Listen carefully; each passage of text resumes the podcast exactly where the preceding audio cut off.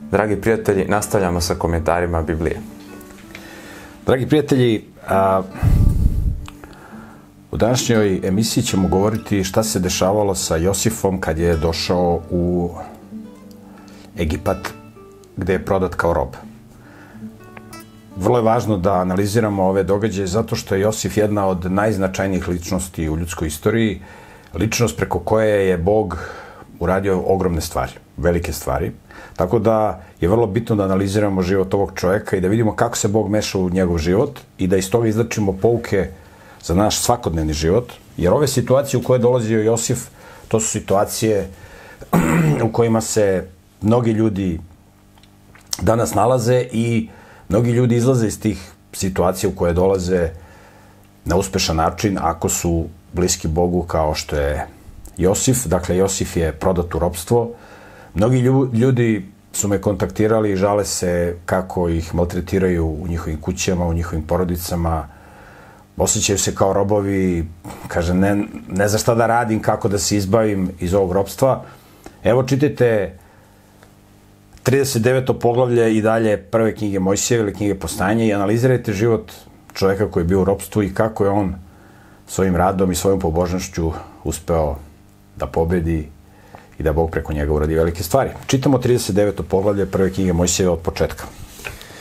Josif je bio odveden u Egipat. Egipćanin Petefrije, faraonom dvoranin i zapovenik telesne straže, kupio ga je iz ruku Ismailaca, koji su ga odveli tamo – Ali gospod je bio s Josifom.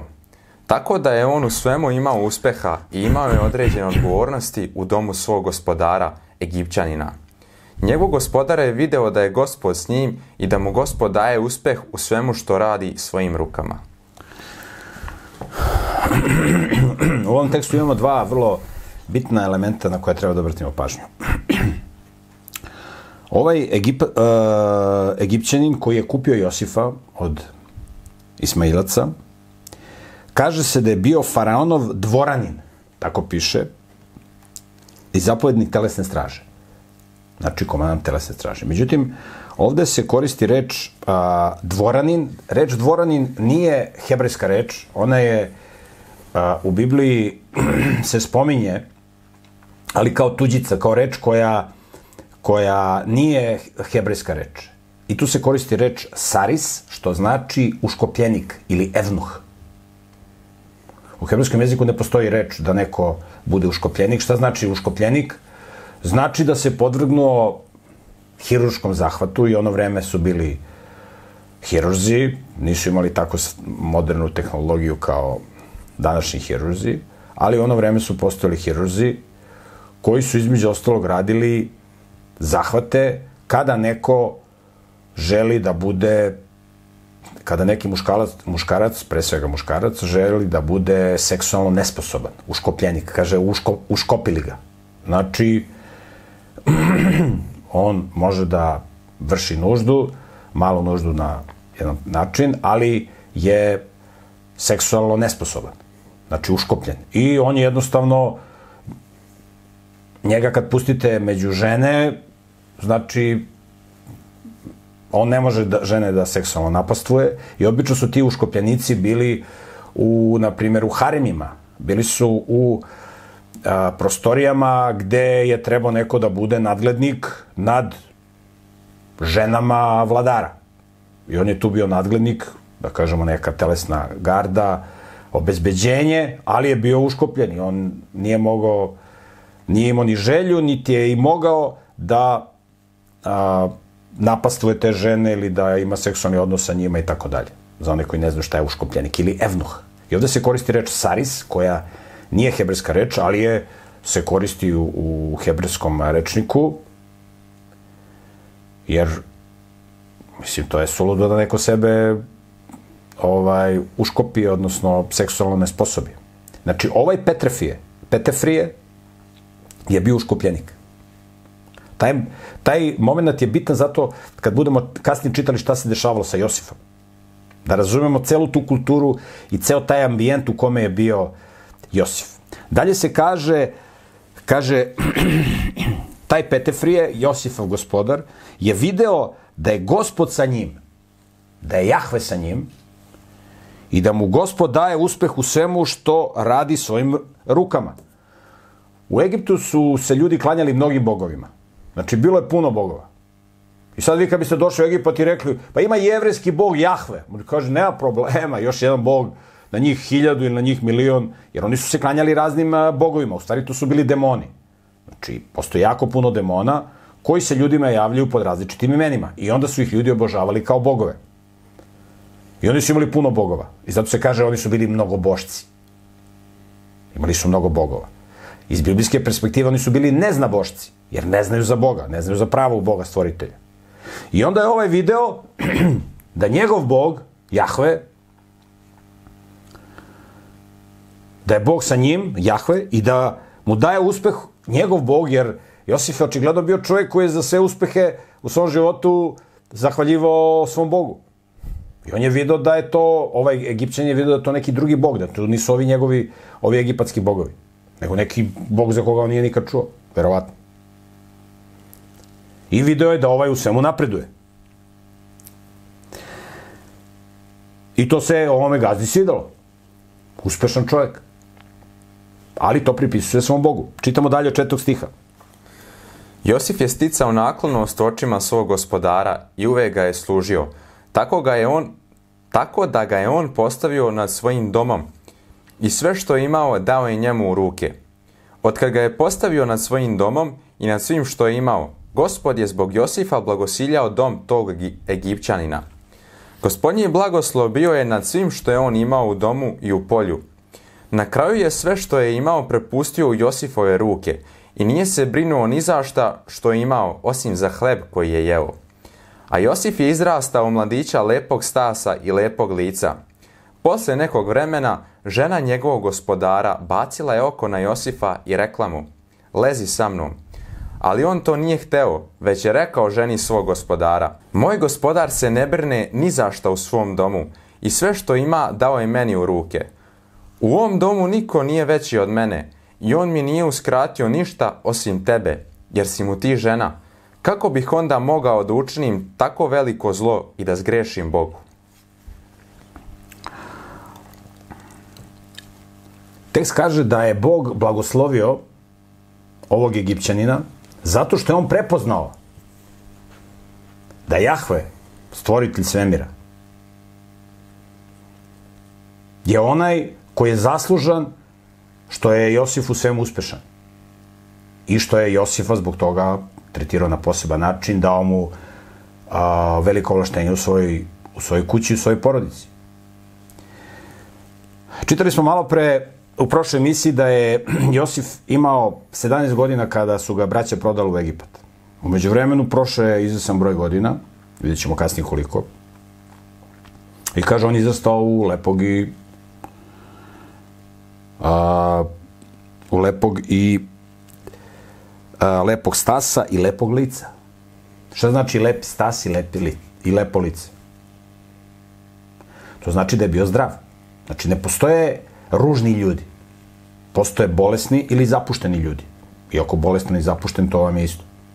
Postoje neki koji se rode bolesni zato što roditelji nisu pazili s kim se žene i bolesni ljudi su ulazili u, u, u bračne odnose. Znači, on je bio lepog stasa i lepog lica, zato što je bio zdrav. I ono što je bilo naročito lepo, kod njega to što je bio duhovno zdrav. Lepota njegovog karaktera se videla u njegovom licu.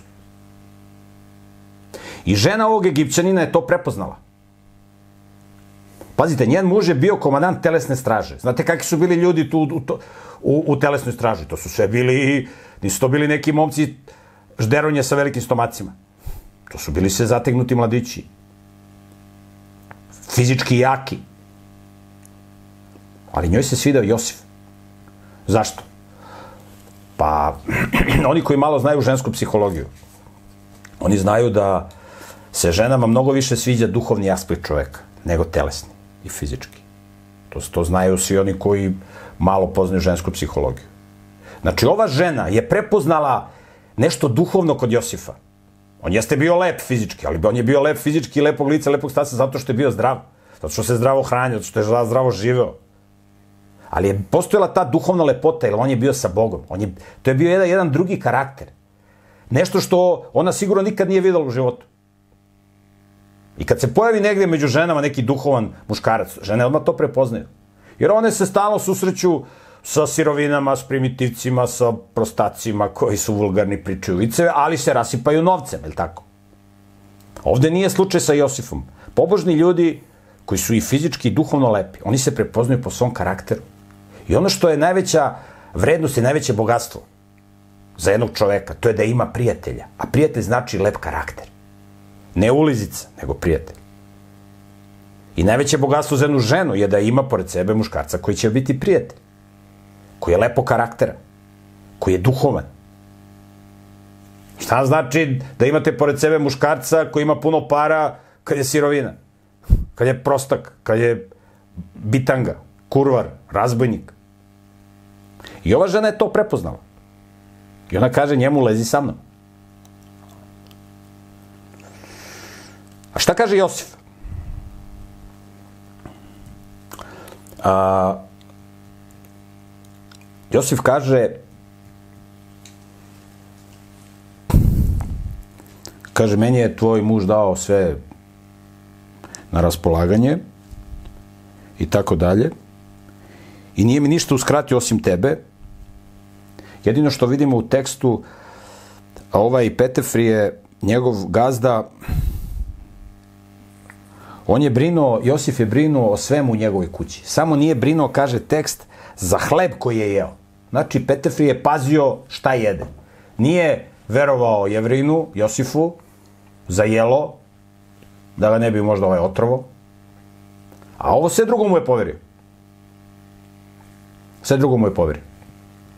I sad ovde imate tekst, kaže ona njemu lezi sa mnom. Pazite. A, ovakav način ponašanja žena u jednom, e, u jednom egipatskom društvu je bilo nešto normalno. Znači, egipatsko društvo je bilo perverzno društvo. Perverzno društvo. Kako je egipatsko društvo bilo? u tom seksualnom smislu, perverzno. Možemo da pročitamo u trećoj knjizi Mojsjevoj u 18. pogledu. Da, imamo bolj, da imate bolju sliku o tome u kakvom ambijentu se nalazi Josif. Znači, treća Mojsjeva, 18. poglavlje, od početka. Ovo je kada Bog daje zapovesti Mojsiju. Slušajte šta Bog kaže. Ovde sad imamo zapisane, moj, zapisane zapovesti gde se objašnjava cela ova priča. Da vidite kako je društvo bio Egipat.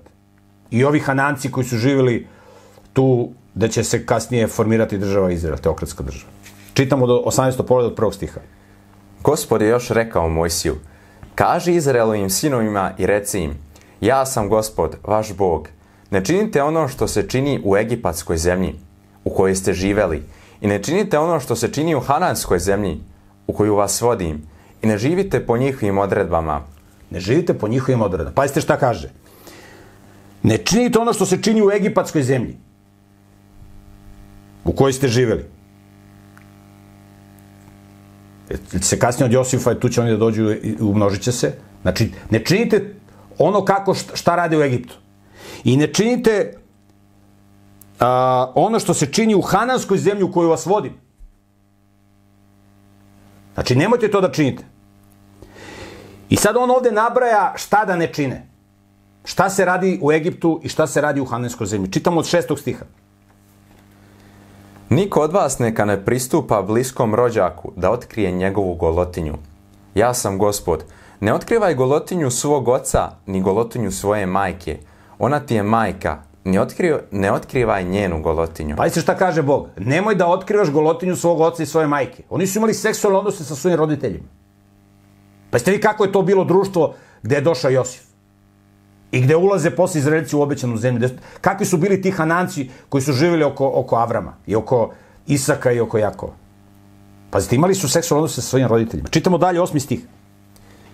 Ne otkrivaj golotinju žene svog oca, to je golet, golotinja tvog oca.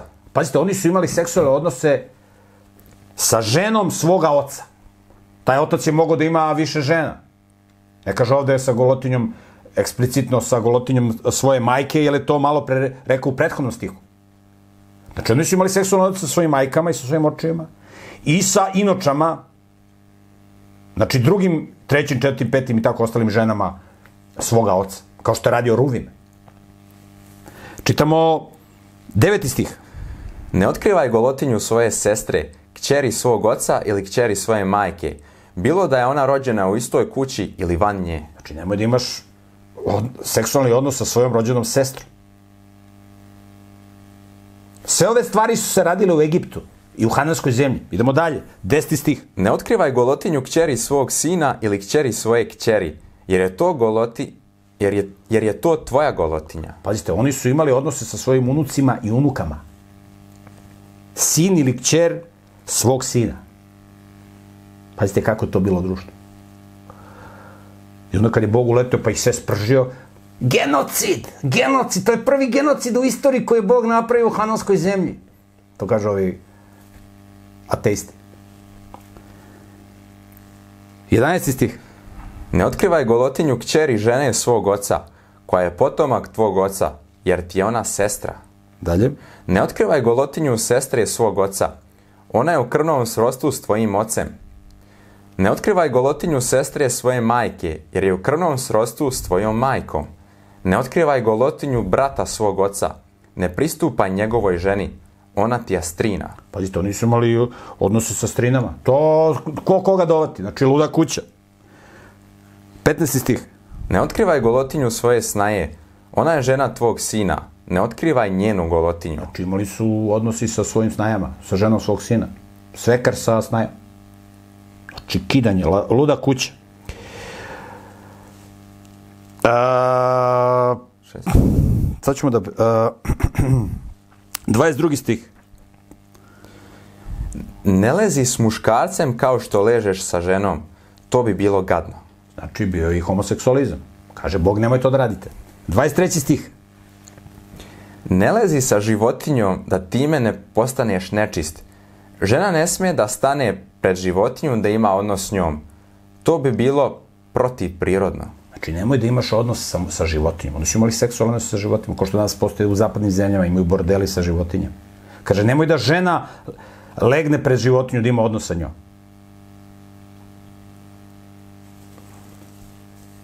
Pa- I pazite, pazite dalje šta Bog kaže. 27. stih.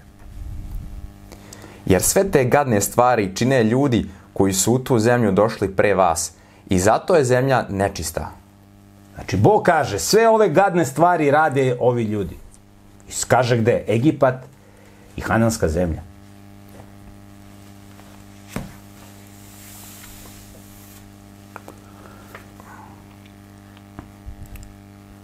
Na osnovu biblijskog teksta i na osnovu biblijskog konteksta, mnogi teolozi smatraju da ovo što se ovde dešava, postoji žena čiji je muž seksualno nesposoban.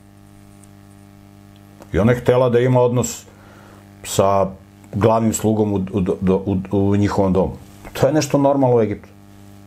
Znači nešto normalno. Ona se ne boji da ima s njim odnos pa će zbog toga muž da izbaci iz kuće. Tamo, tamo ko koga dovati, luda kuća. Znači jedna, jedna perverzna i bolesna nacija i država. A šta kaže Josif? Kaže, tvoj muž mi je dao sve nad ovim domom. Osim tebe. Znači, nigde njego, njen muž nije rekao njegov gazda, e, evo ti moja, imaš sve doma, a evo imaš i moju ženu, ako hoćeš. To on nije rekao. To nije rekao. Međutim, da je ona od njega tražila, smatraju teolozi na osnovu konteksta, mnogi teolozi to smatraju, ja vam sad iznosim mogućnost, na osnovu celog koncepta šta se radilo u Egiptu, da je ona tražila od svog muža, ej mužu, znaš, ti si seksualno nesposoban, jel mogu ja sa ovim, viš lep dečko, ovo, ono, sve to radi ovde posao, da ja sa njim, ovaj, ovaj bi rekao, vjerojatno, samo napred, da tebi bude lepo, samo napred. To je bio, to je kulturni kontekst u kome se sve ovo dešava. Da je ona njega pitala. Međutim, ona njega nije pitala. Šta je ona ga pitala? Razumete? Ona je komandant u neznabožačkim državama, kaže se u Bibliji, kaže, deca sprovode silu nad narodom mojim. Deca sprovode silu nad narodom mojim, a žene su im gospodari. Tako izgleda jedno moralno postavljeno društvo. I kaže Josif, kaže, kako bih mogao da učinim tako veliko zlo i da zgrešim Bogu? On neće Bogu da se zameri. Njemu je Bog, veza sa Bogom najvažnija stvar. To, to je ono što se zove strah gospodnji, da se ne odsečeš od izvora života. Kad činiš greh, ti se odsecaš od Boga. I onda svašta može da ti se desi. To je kao da pustiš... Kad se, de, kad se čovjek odvije od Boga, to je kao kad čovjek zaluta u džungli, puno je divljih zveri i, i, i, i, i čudovišta. Šta se dalje dešava? Deseti stih. Ona je tako iz dana u dan nagovarala Josifa, ali on nije pristao da legne s njom, niti da se zadržava kod nje. Ali jednog dana on je kao i obično ušao u kuću da uradi svoj posao, a unutra nije bilo nikoga od ukućana. Tada ga je ona uhvatila za haljinu i rekla, lezi sa mnom. Ali on joj se otrgao, ostavio svoju haljinu u njenoj ruci i pobegao napolje. Kada je vidjela da je on ostavio svoju haljinu u njenoj ruci i pobegao napolje, dozvala je ukućane i rekla im, gle, doveo nam je ovog čoveka jevrejna da nam se podsmijeva. On je došao kod mene da legne sa mnom, ali ja sam vikala iz sve glasa. A kad je čuo kako vičem, ostavio je svoju haljinu pored mene i pobegao napolje. Ona je držala njegovu haljinu pored sebe, dok njegov gospodar nije došao kući. Znači, ovo je jedan scenarij koji je poznat i danas. Znači, bludnica optužuje za silovanje nekoga drugog. Oni su se zabavljali, oni su se družili i onda odjednom ona njega prijavila za silovanje. I šta se onda dešava kad ona njega prijavi za silovanje? Ili za fizičko nasilje. Ja sam imao priliku da vidim, to sam prvi put vidio u Americi, žena pozove telefon policiji, kaže muž me maltretira. Policija dolazi u roku od 5 minuta, dolaze tri, ona velika Forda policijska, helikopter gore iznad kuće, razumete? Dolaze i kažu čoveku, muškarcu, mužu, ili partneru, ako nisu u braku, imaš 5 minuta da se spakuješ. Oni ne proveravaju da li ona govori istinu ili ne govori istinu. Ide u zatvor. Pa kad odeš u zatvor, ti onda dokazuj da te ona slagala i tužije. E tako funkcioniše moderni svet, zapadni. Isto tako je funkcionisao i Egipat. Znači, sve isto. Isti obrazac. Što kaže Solomon, nema ničeg novog po suncem. Što je bilo, to će biti. I kaže, gle, šta ona kaže, pozvala ukućane, da se svima žali. Tad nisu bili ovi mediji, ovi patriotski koji pričaju istinu, je tako, koji se ba, ba, brinu za ženska prava i tako dalje. I kaže, dozvole ukućene reklama, gle, dovoljno je ovog čeve čoveka jevrejina, znači drugi, iz drugog naroda, služi drugom Bogu, da nam se podsmeva, mecahek, na hebrejskom. I to je ono podsmevanje, mecahek, isti glagol kada je Ismael se mecahek sa, sa Isakom. Kad se on seksualno iživljavao nad Isakom. Znači, mecahek znači seksualno uznemiravanje, znači seksualna predigra kod bračnih drugova, I znače ove perverzne igre koje imamo danas kod, kod deci i kod tineđera, kad je drugima prste zavlače u genitalije i tako dalje. Taj. To je mecahek na hebrejskom. Mecahek. Kaže, dovoljno nam je da nam se podsmeva. Odnosno da se seksualno, da nas, da nas seksualno zlostavlja. To ona kaže. Mecahek. Tako piše u originalu. I ona je držala njegovu haljnu pored sebe sve dok nije došao gospodar. Kad je došao gazda, šta, on, šta se dešava? 17. stih. On, ona se sad obraća gazdi, svom mužu. Onda mu je ovako rekla, ovaj sluga jevrejin koga si nam doveo, došao je kod mene da mi se podsmeva, a kad sam počela da vičem, ostavio je svoju haljinu pored mene i pobegao napolje. Kada je njegov gospodar čuo reči svoje žene, koja je rekla, to i to mi je učinio tvoj sluga, žestoko se razgnevio. Tada je Josifov gospodar uzeo Josifa i bacio ga u zatvor. tamo gde su bili zatvoreni carevi i zatvorenici i on je tamo ostao. Znači, kad je došao gazda, Petefrije, on se naljutio. Nije se on naljutio što je njegova žena, da, da je njegova žena, kad gledamo istorijski kontekst i kulturni kontekst, da je njegova žena s njim imala odnos dobrovoljno, ovo je vjerojatno ništa ne bi rekao. To je bilo kod njih normalno, ko koga stigne, luda kuća. Međutim, da on uzima nešto bez dozvole. Da je on pitao njega, ej, gazda, jel mogu ja s tvojom ženom malo da se družim? Ovo bi možda rekao, može, ne može. Ali bez dozvole, da ti pokušaš da konzumiraš njegovu ženu, to je, to je najstrože zabranjeno. I kao moderna tužilaštva i pravosuđa u zapadnom svetu, tako i ovaj Petefrije, on veruje svojoj moralnoj, po znacima navoda, ženi. I strpao je Josifa u zatvor. Znači, strpao u zatvor. Zato što je pokušao, zato što je on smatrao da je on pokušao da uzme nešto što, što mu nije bilo dozvoljeno. Da si tražio dozvolu prijatelju, dobio bi, verovatno. Da, da je ona tražila, nemam ništa protiv. Verovatno je ovaj Petefrije bio oženjen sa ovom ženom, pa kasnije kad mu se karijera malo razvila, razumeš, šta će mi žena, ba idem da se uškopim, dobit ću bolje radno mesto. Sja, žena, šta moja, moja žena može da ima odnos s kim hoće. Ne mora da imam zem, meni je, meni je lepše da imam homoseksualni odnos. Ja sam imao pliku, kad sam bio u Americi, pa smo prolazili, proz, bio sam u Los Angelesu, pa smo prolazili pored, kroz onaj Santa Monica bulevar, u, u, koji je poznat sa homoseksualcima.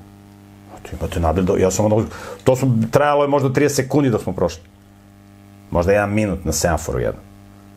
Nisu ti homoseksualci neki, ima i ovih, razumete, nabildovanih, ima, razumete, tako i ovaj Petefrije i njegova telesna straža. Ha, šta će mi žena? Ma Ima ona možda ima odnos kim hoće u Egiptu. Taki su zakoni.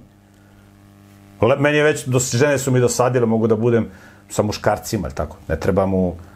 I onda možda bude, ako se uškopi, razumete, dobija ima privilegije, možda bude na najvišim ešalonima u faraonovom dvoru. Što nisi pitao Josife? Kako se to ponašaš? I on naravno veruje svoje ženi, ili tako? Kao današnji tužilaštvo što veruje ovim, je tako? Evropskim damama. Čitamo dalje, 21. stih. Ali gospod je dalje bio s Josifom i bio je prema njemu milosti, pa mu je dao da nađe milost u očima upravitelja zatvora. Zato je upravitelj zatvora predao Josifove ruke sve zatvorenike koji su bili u zatvoru i on je bio odgovoran za sve poslove koji su oni tamo obavljali. Upravitelj zatvora nije više nadgledao baš ništa što je bilo u njegovim rukama, jer je gospod bio s Josifom i gospod mu je davao uspeh u svemu što je radio. Znači, iako je došao u zatvor, ovaj, on je tu napredovao. Pametan čovjek se svuda snađe. I svuda mu bude dobro kad je sa gospodom. Onaj koji nije s gospodom možda bude u palati, u najvećem ovozemaljskom blagu i tako dalje. Kad nije sa Bogom, nema karakter, on je nesrećan. Oko sebe ima sve ulizice, poltrone i tako dalje. Ja sam to vidio kad sam bio na zapadu, da ne ispane sad ja kritikujem zapad i ovo, ali stvarno je tako. Tamo vi ne možete da imate prijatelja. Ljudi nemaju vremena da, da budu, mogu u kafani da se iznapijaju ko svinje, razumete, ali da oko pametnih stvari da se nešto udruže, da nešto korisno i pametno naprave, jako teško. To je jako teško. Su toliko, toliko ogrezli u materializmu. I njihova pobožnost je samo spoljna. Ispunjavaju neke forme, relig, religiozne po znacima navoda. A pobožan čovjek, njemu je, on i u zatvoru može dobro da živi. Ne bih sad da u ovom serijalu spominjao neke ljude koji su u zatvoru ili koji su bili u zatvoru, koji su poznati, sa kojima sam imao priliku da pričam, koji kažu meni je Miroljube u zatvoru, ja meni je u zatvoru dobro. Ja u zatvoru funkcionišem i radim. Ja nisam dokon u zatvoru. Tako da je Josif i u zatvoru, zato što je bio sa gospodom. I u zatvoru je on funkcionisao, odmah su ga prepoznali, pošt, uvažavali ga. Zapovednik zatvora mu je, šef zatvora mu je dao odrešan ruke, jer vidio da je ovaj sposoban. I da, I da će bolje da radi te poslove nego on. Ne, zapovednik zatvora nije rekao, a ti si jevrej, ti si pametniji od mene, sad ću da te ubijem. Ne. Ja kaže, ovaj čovjek, ovaj je pametniji od mene. Evo ti radi ti posao. Ja ću da, da hvatam ladovinu, kako kažu ovi što rade u državnim službama, tako? ja hvatam vladavinu, a ti, prijatelju, radi. Tebi ću se da poverim. Imaćeš privilegije. I sada je Josif postao, da kažemo, drugi čovjek u zatvoru. I tu ga Bog priprema za, za novu misiju. Sad, sad, mnogi ljudi kad dopadnu u zatvor ili kad dopadnu u neku tešku situaciju, treba da čitaju ovaj, ovaj izveštaj. Kad dopadnu u ropstvo. Evo, on je došao u ropstvo, pa sad iz toga otišao još u zatvor. Znači, mnogo gore nego što je bilo. Ali njemu je dobro i tamo i vamo, kad je sa Bogom. I sad da vidite šta Bog radi. Tako Bog može da radi sa svakim čovjekom koji je upao u ropstvo. Ili zaslugom okoline, roditelja, porodice u kojoj je rodio se kao rob, ili nekim svojim greškama pa je do, do, dopao robstva. Možeš da se izbaviš iz robstva prijatelju. Gledaj kako Josif živi, šta on radi i kako će on da se, kako će Bog da ga izbavi. Znači, Bogu je sve moguće. Čitamo 40. polavlje od prvog stiha. Posle nekog vremena peharnik i pekar egipatskog cara zgrešili su svom gospodaru, egipatskom caru. Faraon se naljutio na svoja dva dvoranina, na glavnog peharnika i na glavnog pekara. Zato ih je bacio u tamnicu u kući zapovednika telesne straže, u isti zatvor gde je bio i Josif. Tada je zapovednik telesne straže odredio Josifa da bude s njima i da im služi. Oni su neko vreme ostali u tamnici. Znači, vidimo iz teksta da je, Jos, da je taj Petefrije, Josifov gazda, u njegovoj kući imao tamnicu. On je bio zapovednik telesne straže, ali imao u svojoj kući tamnicu. Gde su se, gde su tamnovali faraonovi zatvorenici koji su bliski njegovom dvoru. I sada uza, kaže, se, kaže tekst, istorijski izveštaj, da su peharnik, onaj koji je cedio grožđe faraonu u pehar, i njegov pekar, koji mu je spremao namirnicu žitarica, vidjet ćemo koliko su žitarice bitne u ishrani čoveka, čitamo i kroz biblijski izveštaj, evo i kod faraona, Oni su dospeli u zatvor. Znate ko su bili u stare vremena peharnik i pekar? To su bili ljudi od najvećeg poverenja vladara. Najvećeg poverenja. Onaj koji mu cedi grožđe u pehar da pije vino. To je bilo bezalkoholno vino, kao što ćemo vidjeti iz teksta. Oni nisu pili alkoholno vino. Bilo ovi koji su pili, ali peharnik je onaj koji cedi grožđe u pehar. Čitaćemo sad u tekstu, da vidite. A ovaj pekar je spremao Ono što je najvažnije, namirnica od žitarica. To nije bio prerađeni, prerađene žitarice, je tako? Nije vadio gluten iz, iz razumete, ali tad, tad je bila tih filozofija kao da je gluten, ovo, ono, izmišljenje, gluposti. I to su bili ljudi od najvećeg poverenja. Peharnik i pekar. Vidjet ćemo kasnije kroz istoriju. Jedan jevrin koji se zvao Nemija ili Nehemija na hebrejskom, on je bio peharnik persijskog cara. Znači čovjek od najvećeg poverenja. I on je uspeo da izdestvuje, kada su jevreji odvedeni u Vavilonsko ropstvo, pa su onda Persijanci pobedili Vavilonjane i zauzeli tu teritoriju, onda je taj jevrin Nemija ili Nehemija bio peharnik kod persijskog cara.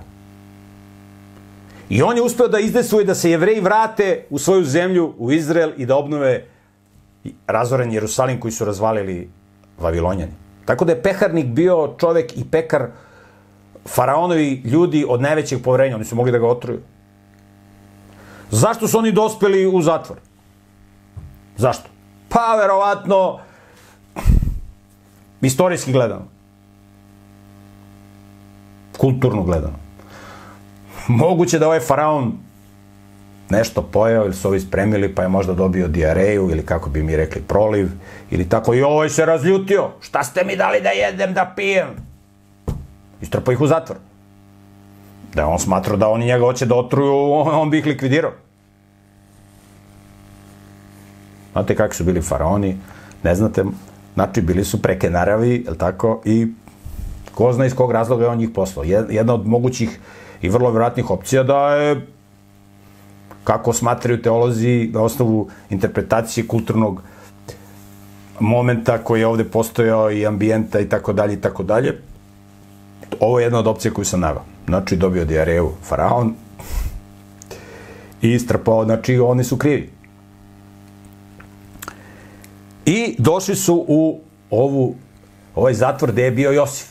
Taj peharnik i pekar. Ljudi od najvećeg poverenja faraona. I pa se šta se dalje dešava. Peti stih.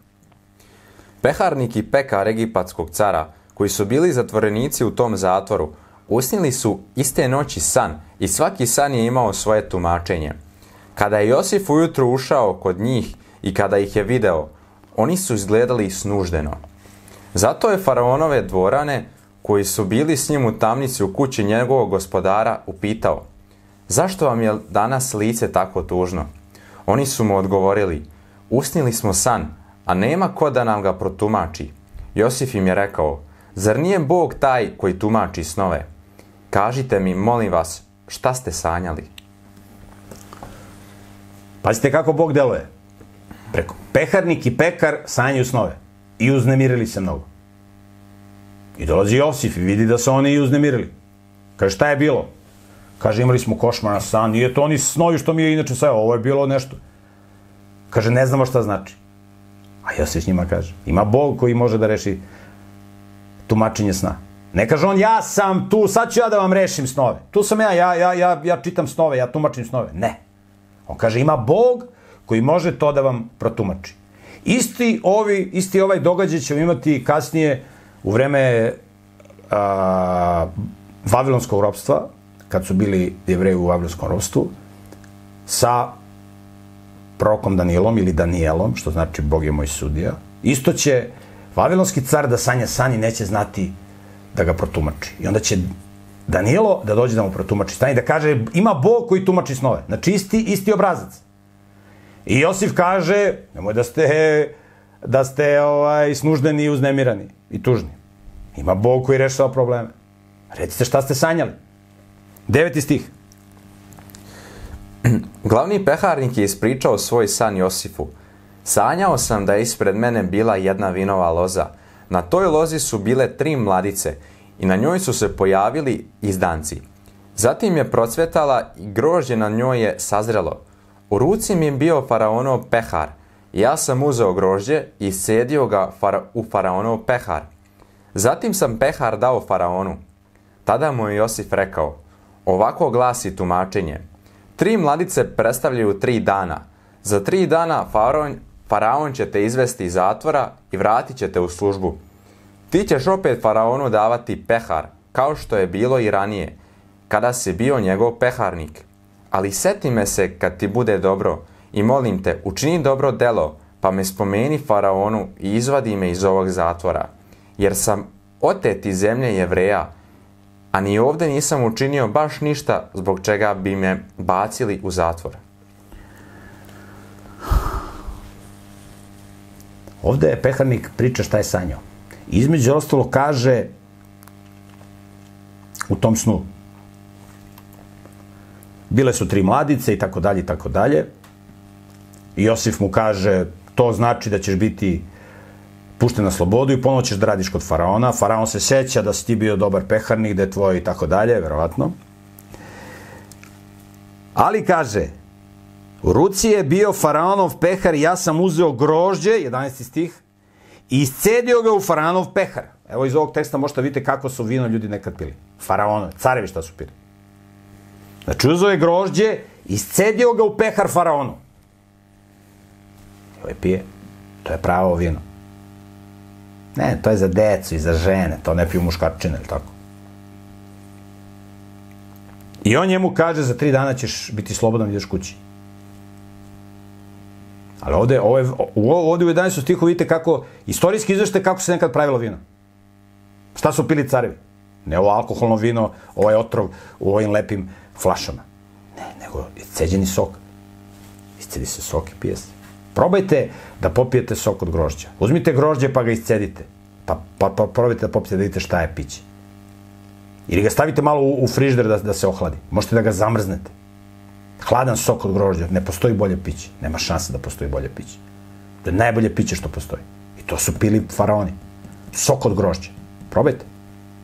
To nema nigde da se kupi u prodavnici sok od grožđa. Ne postoji. Uzmete, kupite grožđe u prodavnici i iscedite.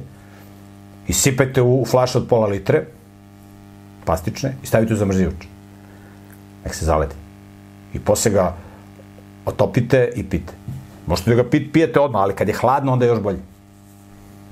Ili možete da uzmete da ohladite, u frižderu da ohladite grožđe, da bude hladno, I onda da ga iscedite i da pijete sok, to je isto vrhunski. To je još bolje nego ovo da ga zamrzavate. Ali ako hoćete da ga imate stalno u zamrzivaču, dobro da ga zamrzite. I on kaže, znači, izlaziš ti na slobodu i opet ćeš da se vratiš kod faraona. Međutim, sad pekar, kad je čuo tu mačnje sna, sad i on ima svoj san, da mu se... Protu... Ali pazite šta mu Josif kaže. Kad budeš bio na slobodi, seti se mene. Pošto si čovek od najvećeg poverenja faraonu. Angažuj se da me pusti iz ovog zatvora, nisam ništa kriv da su me bacili ovde. U ovu jamu. Ovo piše, kaže, bacili me u zatvor. Doslovno kaže u jamu. Bacili su ga u, u, u cisternu koja, u kojoj se više ne skladišti voda. Takvi su bili nekad zatvori. Jama. Ko u bunar da ga baci. Strašno. I sad se javlja pekar. 16. stih. Kada je glavni pekar video kako je Josif u svom tumačenju rekao dobre stvari, kazao mu je Ja sam video sebe u snu i gle, na glavi su mi bile tri korpe belog hleba. U korpi na vrhu bilo je raznovrsnog peciva za faraona i ptice su to jele iz korpe na mojoj glavi. Josif mu na to reče Ovako glasi tumačenje. Tri korpe predstavljaju tri dana. Za tri dana faraon će te izvest, izvesti iz zatvora, pa će ti odrubiti glavu i obesit će te na stup, a ptice će jesti tvoje meso. Kada je pekar ispričao svoj san Josifu, Josif mu rekao, ti ćeš da loše prođeš, ti ćeš da pogineš.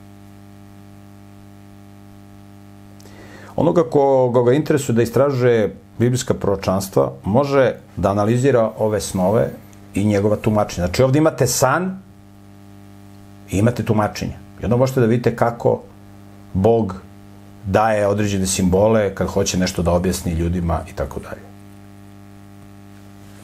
Znači, peharnik će da bude na slobodi i radit će kod faraona, a ovaj drugi će da nagrabusi, da bude poginut. Čitamo 20 stih. Trećeg dana posle toga bio je faraonov rođendan. On je priredio gozbu za sve svoje sluge i izveo je iz zatvora glavnog peharnika i glavnog pekara. Glavnog peharnika je vratio na položaj peharnika, tako da je on opet faraonu dodavao pehar, a glavnog pekara je obesio, baš kao što je baš kao što im je Josif u tumačenju rekao. Ali glavni peharnik se nije setio Josifa, već ga je zaboravio. Znači, ispunilo se ono što je Josif rekao u tumačenju snova peharniku i pekaru, ali peharnik je zaboravio Josifa. Bilo mu je dobro, kad mu je dobro, briga me za Josifa, je tako koji me ohrabrio. I čitamo šta se dalje dešava. 41. pololje, prvi stih. I dalje. Posle dve godine faraon je sanjao da stoji pored Nila. I gle, iz Nila je izašlo sedam lepih i debelih krava koje su pasle travu pored Nila. A posle njih iz Nila je izašlo sedam ružnih i mršavih krava koje su stale pored tih krava na obali Nila. Tada su krave koje su bile ružne i mršave pojele onih sedam lepih i debelih krava. Onda se faraon probudio. U tekstu se kaže da je faraon sanjao debele i lepe krave. A mršave i ružne krave takođe. Znači, Bog se njemu otkriva na način da on razume poruku. U stare vremena je glad postojala na mnogim lokalitetima. Zato što su ljudi živjeli nezdravo. Zato što nisu brinili o svojoj egzistenciji, bilo je robova, svega je bilo. Bog ih je kažnjavao i tako što im zatvori kišu da ne pada, kao što ćemo vidjeti kasnije.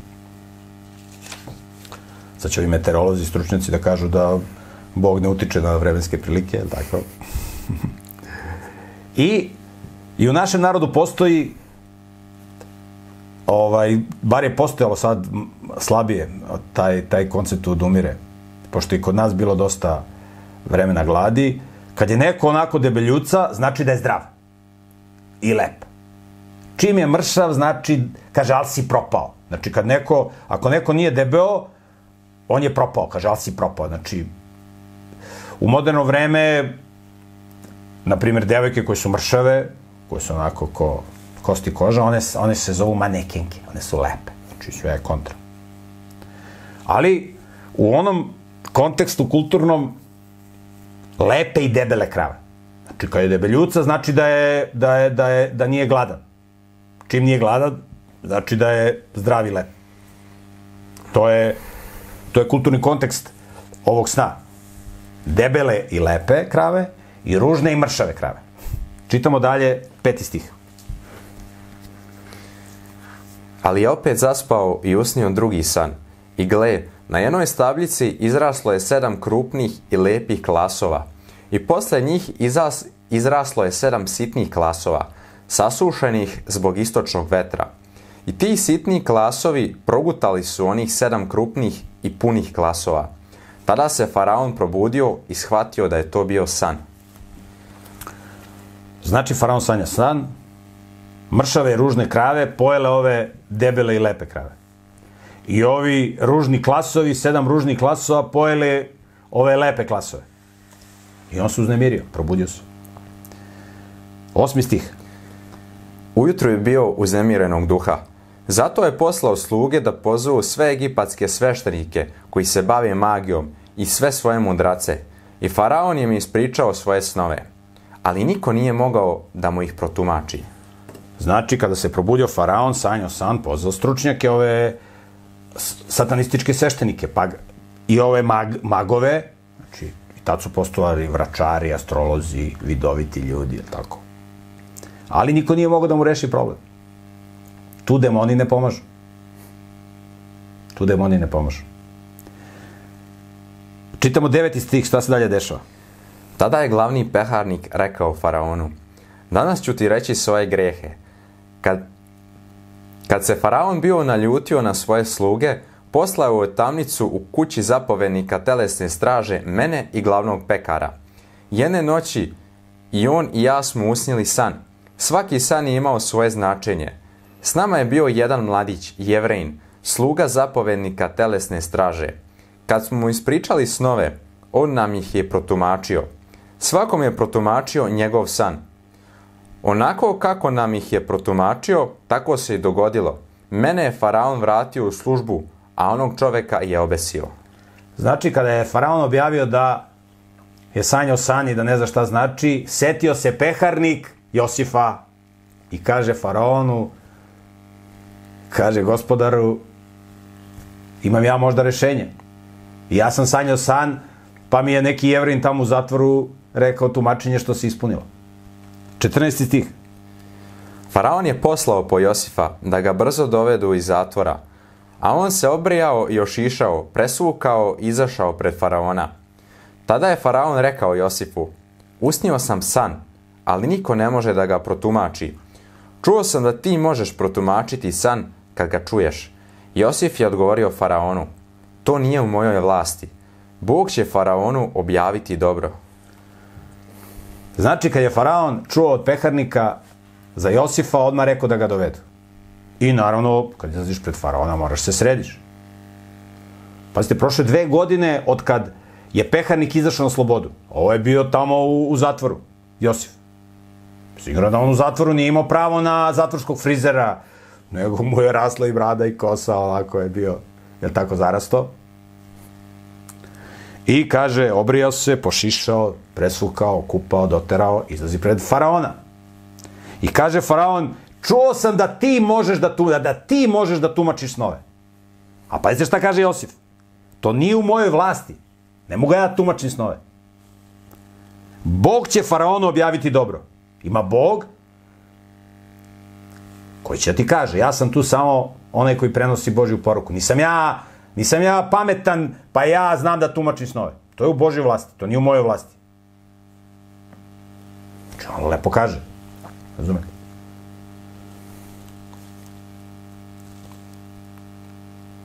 Sedanaesti stih. Faraon je zatim rekao Josifu, sanjao sam kako stojim na obali Nila i gle, iz Nila je izašlo sedam debelih i lepih krava koji su pase travu pored Nila. A posle njih izašlo je sedam slabih, veoma ružnih i mršavih krava. Tako ružne krave nisam video u svojoj egipatskoj zemlji.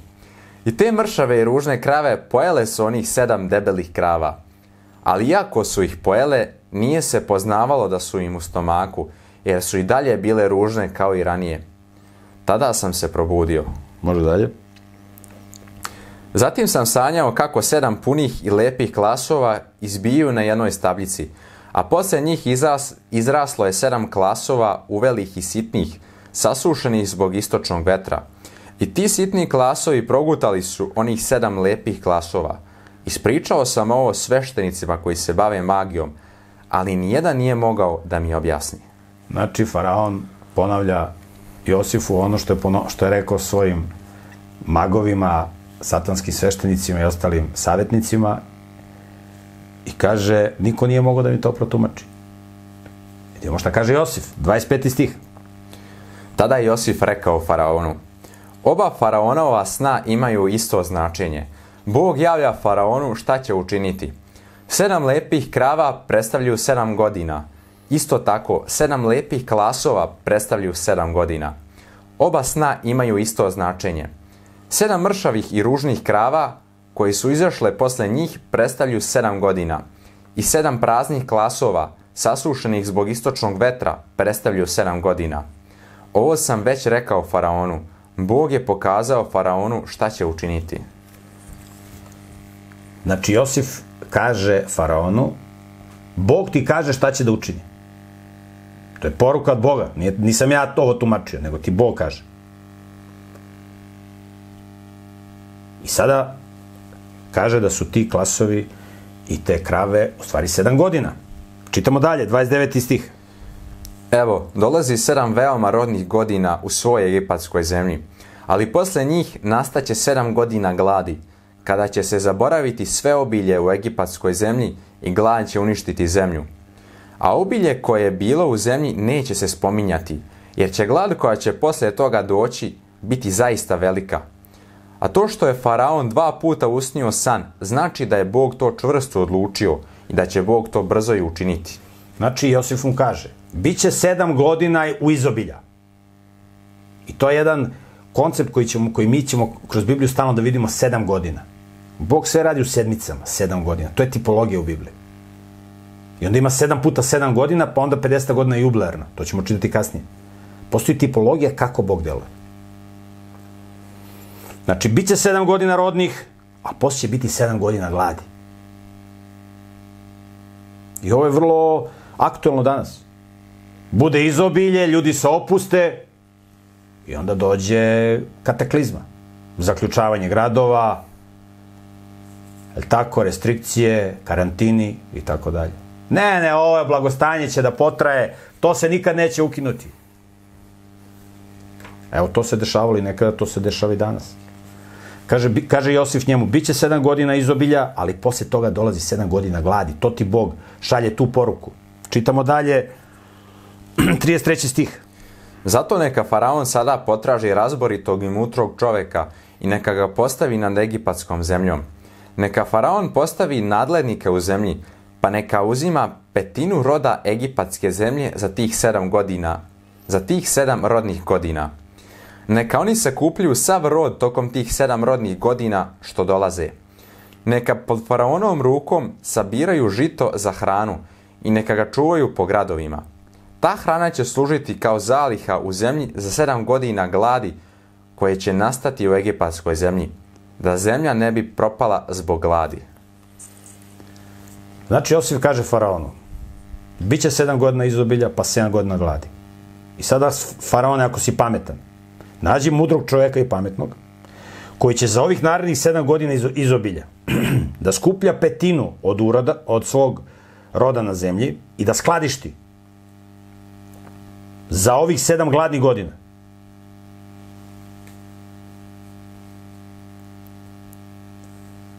Neka oni sakupljaju sav rod tokom tih sedam godina.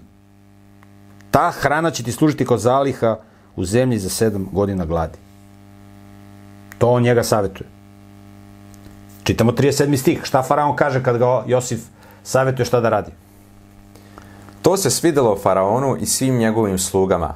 Zato je rekao svojim slugama, možemo li naći nekoga kao što je ovaj čovek u kome je Božji duh?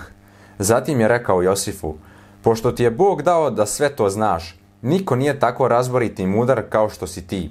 Ti ćeš biti upravitelj mog dvora i ceo moj narod bezuslovno će ti služiti. Jedino ću prestolom biti veći od tebe. Faraon je još kazao Josifu, postavljam te nad svom egipatskom zemljom. Tada je Faraon skinuo pečatni prsten sa svoje ruke i stavio ga Josifu na ruku. Obukao ga u haljine od finog lanenog platna i stavio mu oko vrata zlatan lanac. Osim toga, zapovedio je da ga voze u počasnim kolima odmah iza faraonovih kola i da pred njim viču Avrek. Tako ga je postavio nad svom egipatskom zemljom. Faraon je bio dovoljno pametan da prepozna da je ovo poruka od pravog Boga i uzvisio je Josifa, eto, znači pre 20 minuta je bio kosmat, čupav, bradat, neuredan, u cisterni, na dnu cisterne, sad je postao drugi čovjek u državi. Dobio je najbolju odeću, dobio je službeni auto, I gde god prođe, svi viču avrek, što znači klanjete se, ili na egipatskom pažnja. Pažnja, dolazi Josif. Evo vidite kako Bog preokrene za čas. Za čas situacija kod čovjeka može se preokrene. Kad je sa Bogom. Zato se treba uzdati u Boga. Dobro radi i dobro misli i dobro se nade. Čitamo dalje 44. stih. Zatim je Faraon rekao Josifu, ja sam faraon, ali bez tvog odobrenja niko ne sme da podigne ni ruku ni nogu u svoj egipatskoj zemlji. Poslije toga faraon je dao Josifu ime Psontom Fanih i dao mu je za ženu Asenetu, kćer Potifere, sveštenika iz Ona. Josif je počeo da obilazi egipatsku zemlju. Josif je imao 30 godina kad je stao pred faraona, cara Egipta.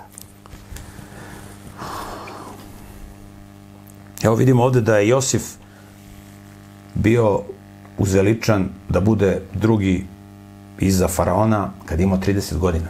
I tu postoji jedna jako lepa tipologija. Isus je sa 30 godina počeo svoju misiju. Josif sa 30 godina počinje svoju misiju. Ovo do sad je sve bila priprema. Postoji velika analogija između Isusa i Josifa. Tekst kaže da mu je faraon dao ime Psontom Fanih. To su dve reči. Psontom Fanih u hebrejskom, u, u, u, u biblijskom tekstu. Ovo nije hebrejski, ovo ime nije hebrejsko ime. Tu se spominje ime, to egipatsko ime u hebrejskom tekstu. Capnat Paneah, tako piše. A Capnat Paneah, taj egipatski a, jezik je sličan hebrejskom jeziku. U hebrejskom a, ovo capnat, u hebrejskom postoji reč cofen, što znači šifra ili kod. A paneah znači dešifrovati ili otkriti. Tako da njegovo ime a, capnat paneah, kako piše u hebrejskom, ili ovde u našem prevodu psontom fanih, znači onaj koji tumači tajne, onaj koji dešifruje šifre, onaj koji dešifruje kodove, onaj koji zna da tumači zagonetne stvari. To znači njegovo ime. Njegovo ime je bilo Josif, ali je on imao i egipatsko ime. I ovaj obrazac ćemo imati kroz celu istoriju.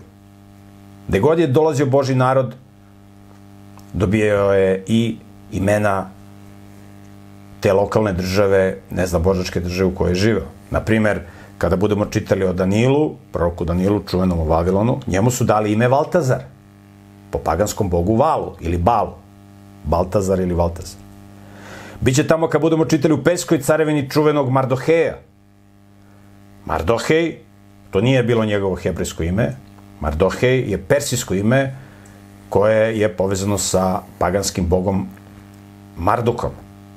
Znači, pa je po tome dobio Mardohej, Marduk paganski bog. Njegova nečakinja o kojoj on brinuo, čuvena je Estira ili Estera. Njeno hebrejsko ime je Adasa.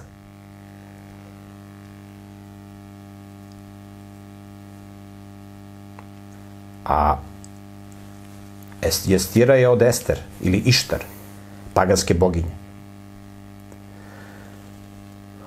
Slično imamo i danas, je tako, kad naši ljudi odu negde na stranstvo. Naprimjer, kad sam bio u Americi, nisu mogli da me zovu Mirolj, nego su me zvali Mike. Mike.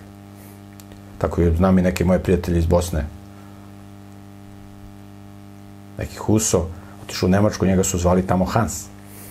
Huso Hans. Dobije nemačko ime.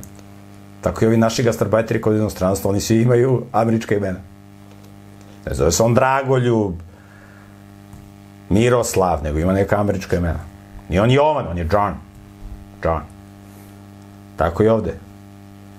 Psontom Fanih. Nije više Josif, nego Psontom Fanih.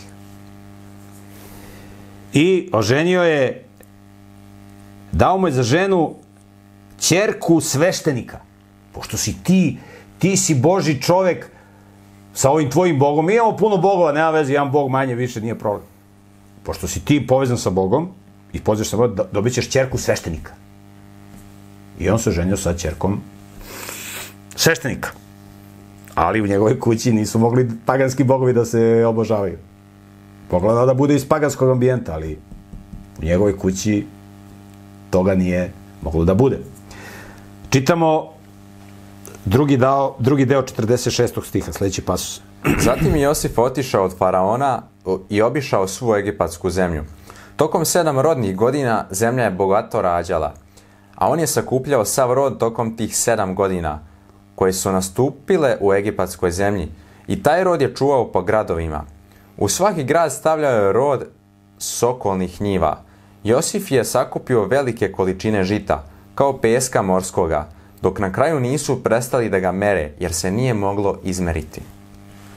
Znači, on je skupljao žito, kako mu je Bog rekao, po petinu ili 20% od svih a, u, ovaj, a, useva. Znači, zemlja je bogato radila. Skupljao je, Josif je sakupio velike količine žita.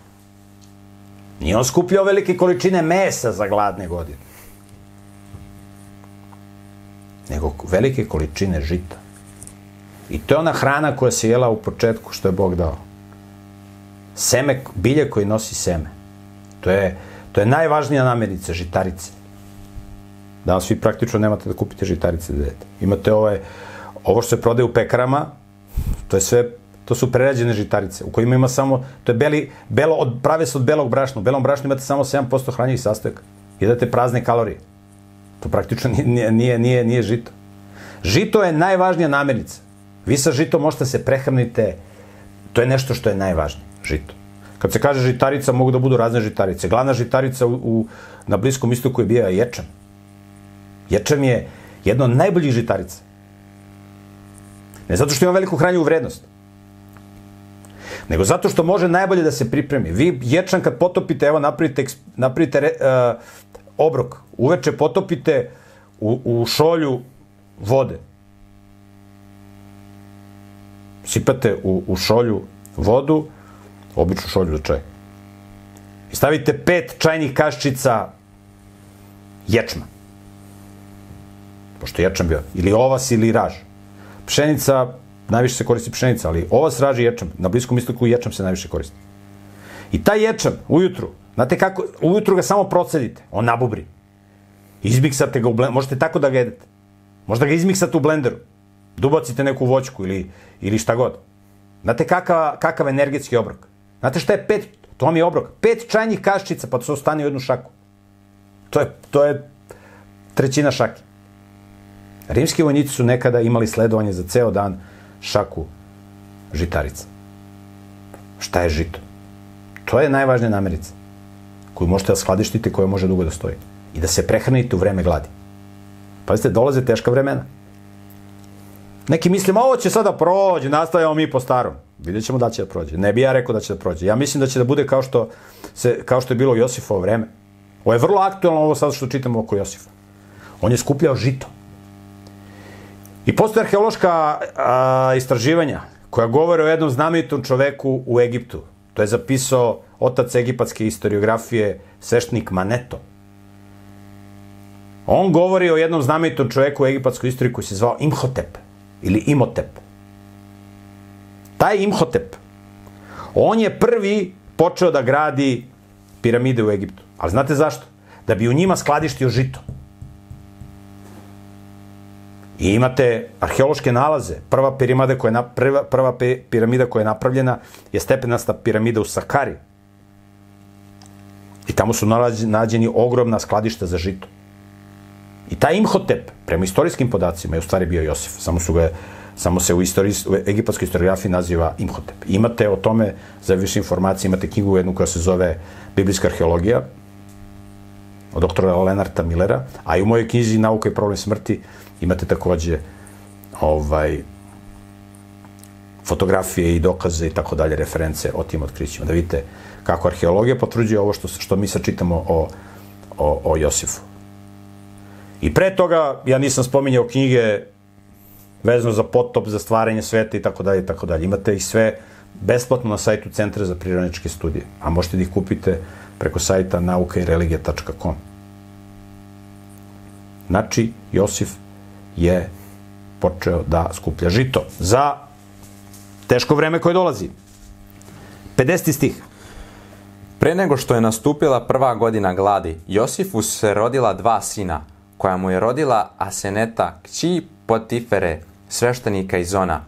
Josif je svom prvencu dao ime Manasija, jer je rekao, Bog mi je dao da zaboravim svu nevolju i ceo dom mog oca. A drugom sinu je dao ime Jefrem, jer je rekao, Bog mi je učinio plodnim u zemlji moje nevelje, nevolje. Znači, pre nego što je nastupila glad, Josif je dobio dva sina. I čitamo zadnji pasus za današnju misiju od 53. stiha. Tako je prošlo sedam rodnih godina u egipatskoj zemlji i nastupilo je sedam, gladnih go sedam godina gladi, baš kao što je Josif i rekao. U svim zemljama nastala je glad, a u svojoj egipatskoj zemlji bilo je hleba. Na kraju je i u svojoj egipatskoj zemlji počela glad i narod je zavapio faraonu tražeći hleb. Tada je faraon rekao svim egipćanima, idite kod Josifa, šta god vam kaže, to učinite. I glad je zahvatila cijelu zemlju. Tada je Josif otvorio sve žitnice koje su imali i počeo je da prodaje hranu egipćanima, jer je velika glad zahvatila egipatsku zemlju. U Egipat su dolazili ljudi iz svih zemalja da kupiju hranu od Josifa, jer je velika glad zahvatila sve zemlje. Znači, šta su dolazili kad je nastupila glad? Šta su dolazili Egipćani da traže? Su tražili meso? Ne, tražili su žito, da imaju leba da jedu. Kad nastupi glad, ljudi kupuju brašno. Meni je pričala moja baba kako su za vreme drugog svetskog rata dolazili u selo i zlatom, iz gradova su dolazili u selo i zlatom su plaćali kilo brašna. Ljudi traže hleb kad je glad, ne traže meso. I kaže, i tražili su hleba. Tražili su žitarice. Josif je otvorio sve žitnice koje su imali i počeo da prodaje hranu Egipćanima. Dolazili su, kažu, iz drugih. Ovo je vrlo poučno i ovo je vrlo aktuelno. Ja preporučujem svima da, razmi, da razmišljaju o ovome. I da naprave neka svoja skladišta sa žitaricama. Za teška vremena koja dolaze. Koja neće doći za 50 godina ili za 30. Nego možda za koju sedmicu ili koji mesec. A sad je ovaj period sedam, sedam gladnih, god, sed, sedam godina izobilja. Mi možda imamo još sedam sedmica izobilja. Sedam meseci, možda i sedam meseci, ali sedam godina sumnjam. Tako da razmislite o ome što se dešavalo. I, kaže, ljudi su dolazili, kao što su u stara vremena dolazili i za vreme ratova dolazili na selo, tako su i na našim prostorima, tako su dolazili kod Josifa da traže, kod onoga ko ima. Eto, ovde bismo ovaj, stali za ovu emisiju i vidjet ćemo šta se dalje dešavalo, pošto se ova glad proširila i na okolne zemlje. I glad je pogodila i Josifovu braću, i njihovog oca. I svih naroda i svih zemalja su dolazili kod Josifa da traže hranu. Da vidite sad njegova braća, kako će da dođu oni kod, u Egipat da traže hranu. Da dolaze da traže hranu od onoga koga su prodali Ismailcima. To ćemo da analiziramo u sledećoj emisiji. Ako imate neko pitanje vezano za biblijski tekst koji smo danas čitali, možete da ga postavite na dole navedeni mail, Ako želite besplatno da čitate Bibliju novom savremenom prevodu u elektronskoj formi, imate link u opisu ovog videa. Također u opisu videa se nalaze informacije kako možete da kupite ovu, ovu Bibliju ako želite. Bibliju možete da kupite izvan Srbije preko distributera u BiH, u Hrvatskoj, Makedoniji, Crnoj Gori, a možemo da je šaljemo i širom svijeta. Hvala na pažnji.